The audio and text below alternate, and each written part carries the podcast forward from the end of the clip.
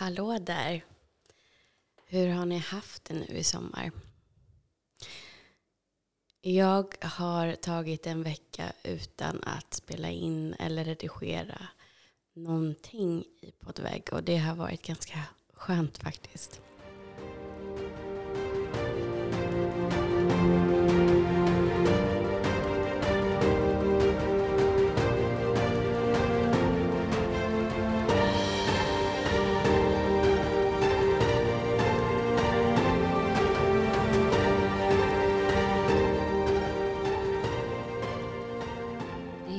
Så att eh, podden finns väldigt mycket i mina tankar och jag försöker tänka så här, men hur vill jag att eh, nästa säsong ska se ut? Jag har ett grovt utkast kan man väl säga Och några stycken är inbokade och två avsnitt är inspelade redan.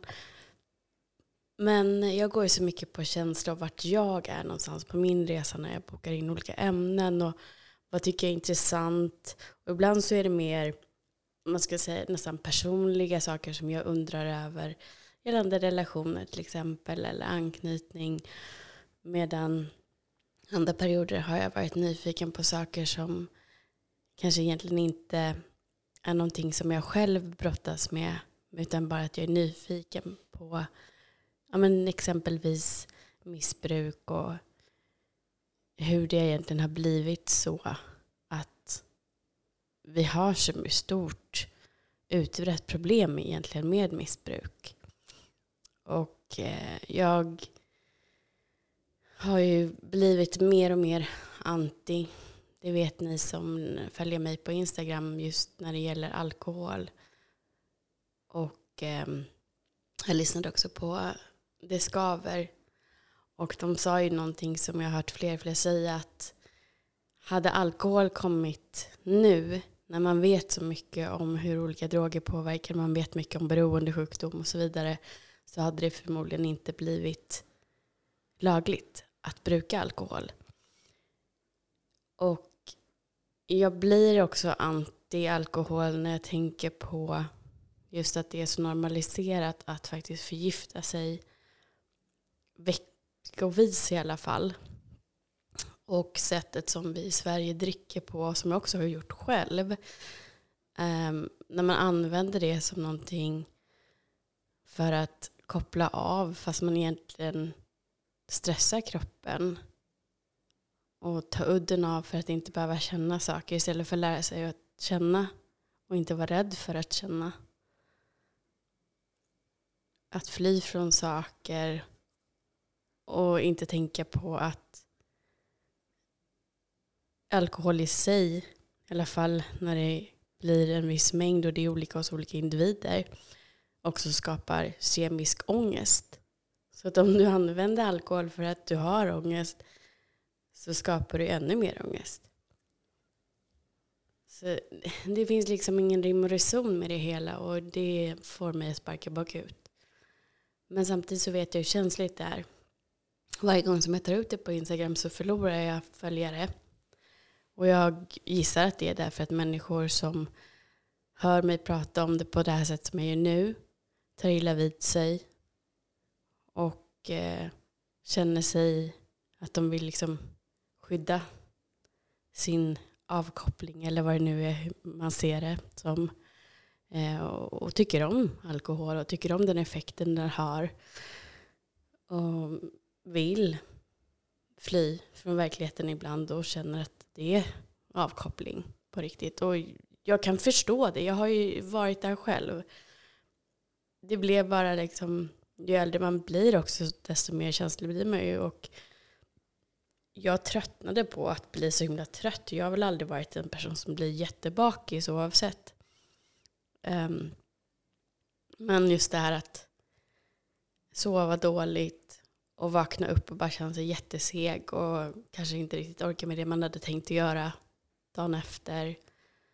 Och bara slänga bort tiden. Det blev liksom mindre och mindre lockande och så jag började dricka mer på speciella tillfällen. Men ju mer också jag har känt att jag har blommat ut och blivit mer den som jag faktiskt känner att jag är och varit eller är mer autentisk, desto mer konstigt känns det som att varför ska jag dricka för att förändra den jag är när jag vill vara den jag är? Då var det lättare när jag inte trivdes med den jag var och inte ville vara den jag var att döva det med alkohol. Och oavsett om du som lyssnar känner att det är ett problem eller inte så, så blir det egentligen allting som vi distraherar oss med oavsett om det är så att du shoppar eller du äter fast du inte är hungrig. Um, ja, men liksom när man, när man använder någonting, ett substitut istället för att lära sig att hantera, att sitta med sina känslor, då blir det ju fel. Och också när du inte tillåter dig själv att, att få känna och bara släppa ut en känsla, då kommer ju den att gå ganska fort. Har du hållit inne känslor av sån karaktär som betecknas som negativa känslor eller obehagliga känslor då blir det ju mer och mer uppbyggt och rädslan för att faktiskt sitta med dem blir större. Och upplevelsen av hur det måste vara om jag sitter med känslorna då, då kommer jag gå sönder, det kommer göra så ont, det kommer bara vara så att jag gråter och gråter och gråter, jag kommer inte kunna sluta. Det är så många som säger så, men de provar inte. Och när jag tänker tillbaka svåra perioder i mitt liv så har det varit så skönt att gråta. För då släpper så mycket spänningar. och Man känner liksom i kroppen den här releasen som ändå blir.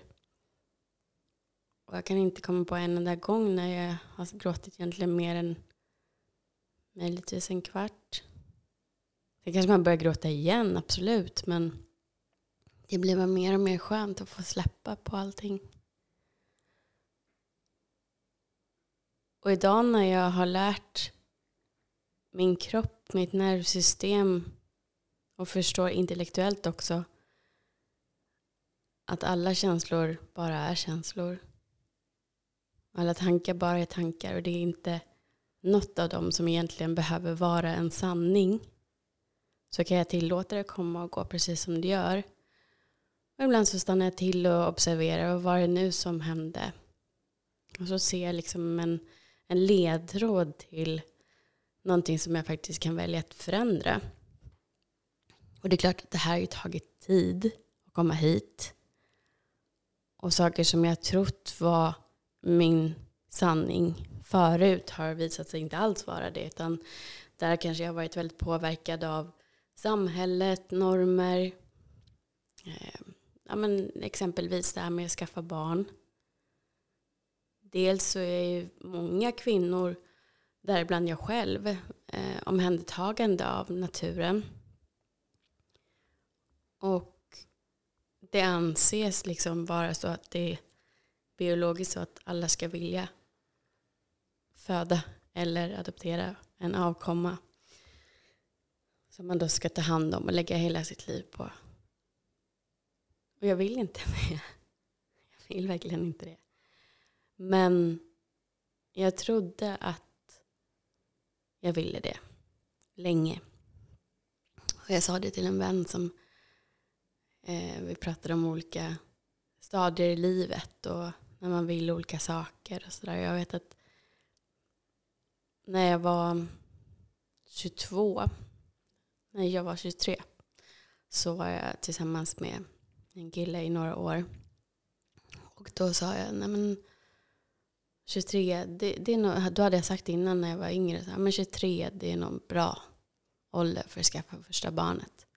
Men sen när jag var 23 så kände jag, men herregud, det, det passar inte alls in. 25 blir nog bra. Och vid 25 så stod jag vid en av mina svåraste kriser någonsin efter den relationen som var otroligt destruktiv.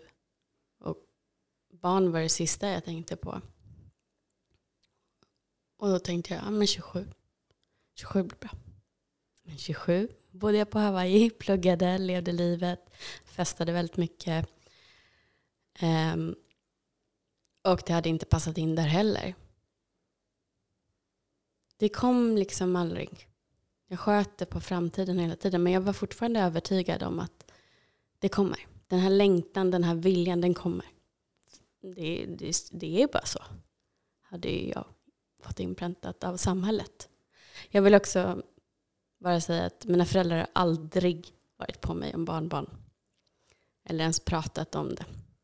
Så det har inte kommit därifrån. Utan jag tror att det här kommer absolut från samhället och normen och hur det byggs upp att man ska inom citationstecken leva. Och så vet jag att åren gick och jag har varit med om olika saker. Jag har gått igenom olika perioder. Och eh, ja, de senaste åtta åren efter min utmattning så har jag verkligen dedikerat väldigt mycket tid och kraft till att bryta mönster, förstå mina mönster, förstå vad det är jag vill, vem jag är. Men likväl så vet jag att det är nyåret som var året när jag skulle fylla 40 så äh, bröt jag ihop hemma hos mina föräldrar och eh, mamma höll om mig och frågade vad det var och jag vet att jag bara sa att det känns som att jag gör alla besviken. Och med att göra alla besvikna, det menade jag så att jag inte levde upp till det som jag trodde jag skulle göra.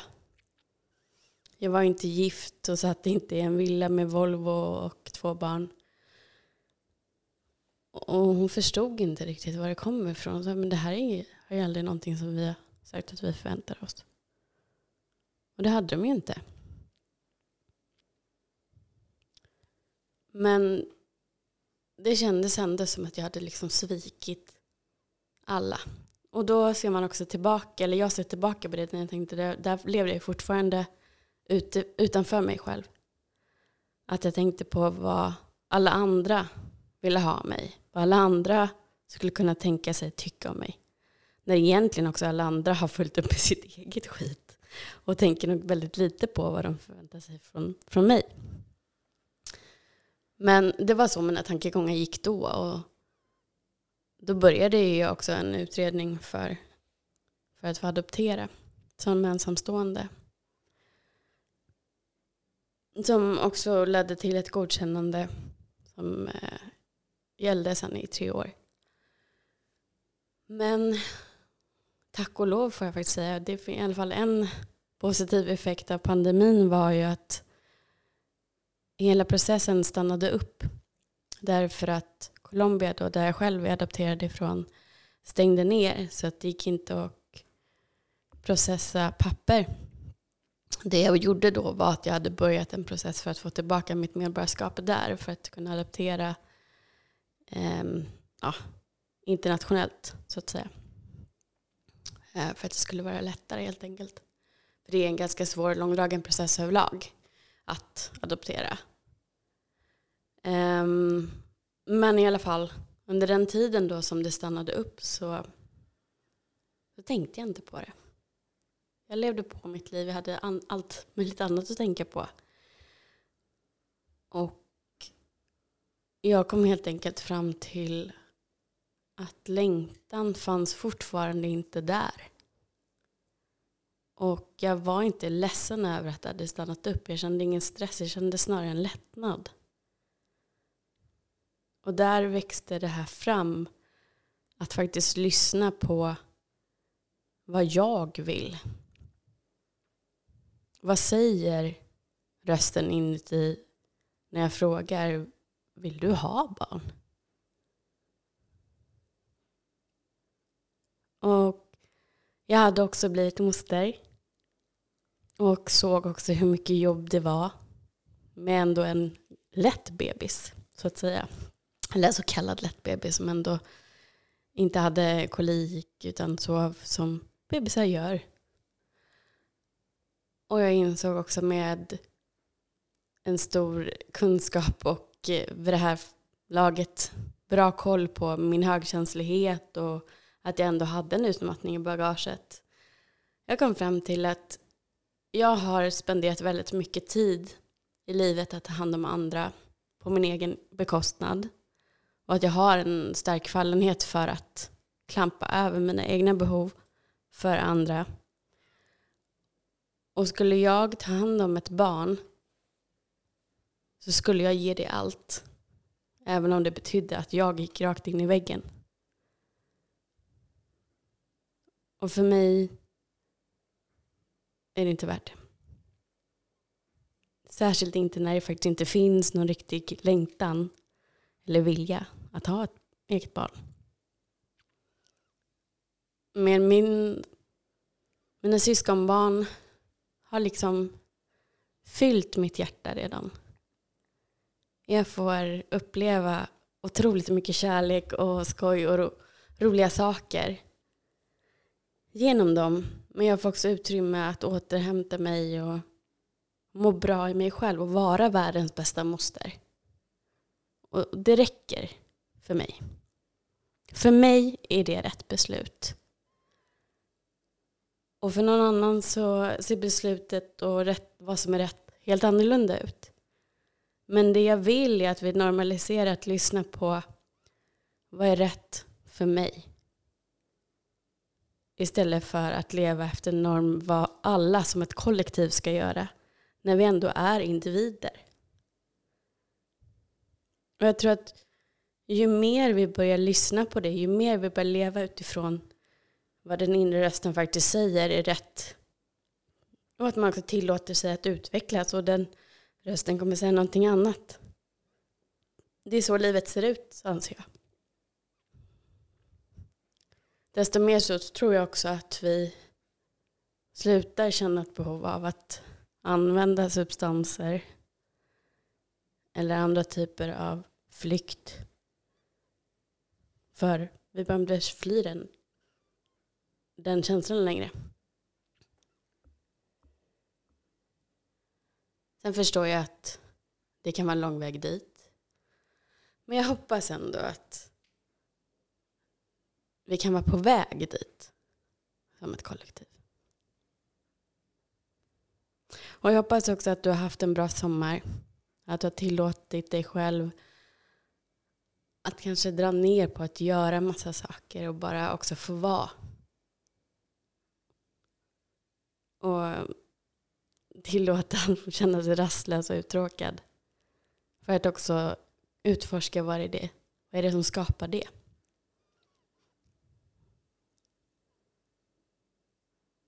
I slutet av augusti så kommer säsong fem att köra igång. Och eh, jag hoppas verkligen att eh, ni börjar lyssna ordentligt igen. Jag har inte heller lyssnat jättemycket på poddar i sommar. Så att, eh, jag är lika skyldig som ni som inte har lyssnat på min podd lika mycket i sommar. Men jag ser ju det på siffrorna. Men är det så att ni istället har lagt tid på att fylla på batterierna och skratta och må bra så är jag lika nöjd ändå.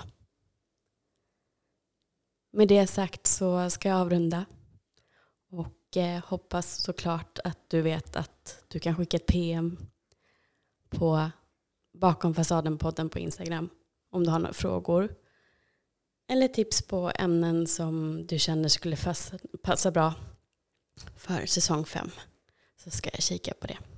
Och jättegärna också personer som du tror skulle passa för just de ämnena. Till exempel terapeuter, psykologer eller någon som har en egen erfarenhet av att ha vänt sitt liv på något sätt så nu kan hjälpa andra med sin historia. Så eh, hörs vi eh, förhoppningsvis snart igen och tills vi hörs igen, ta hand om dig.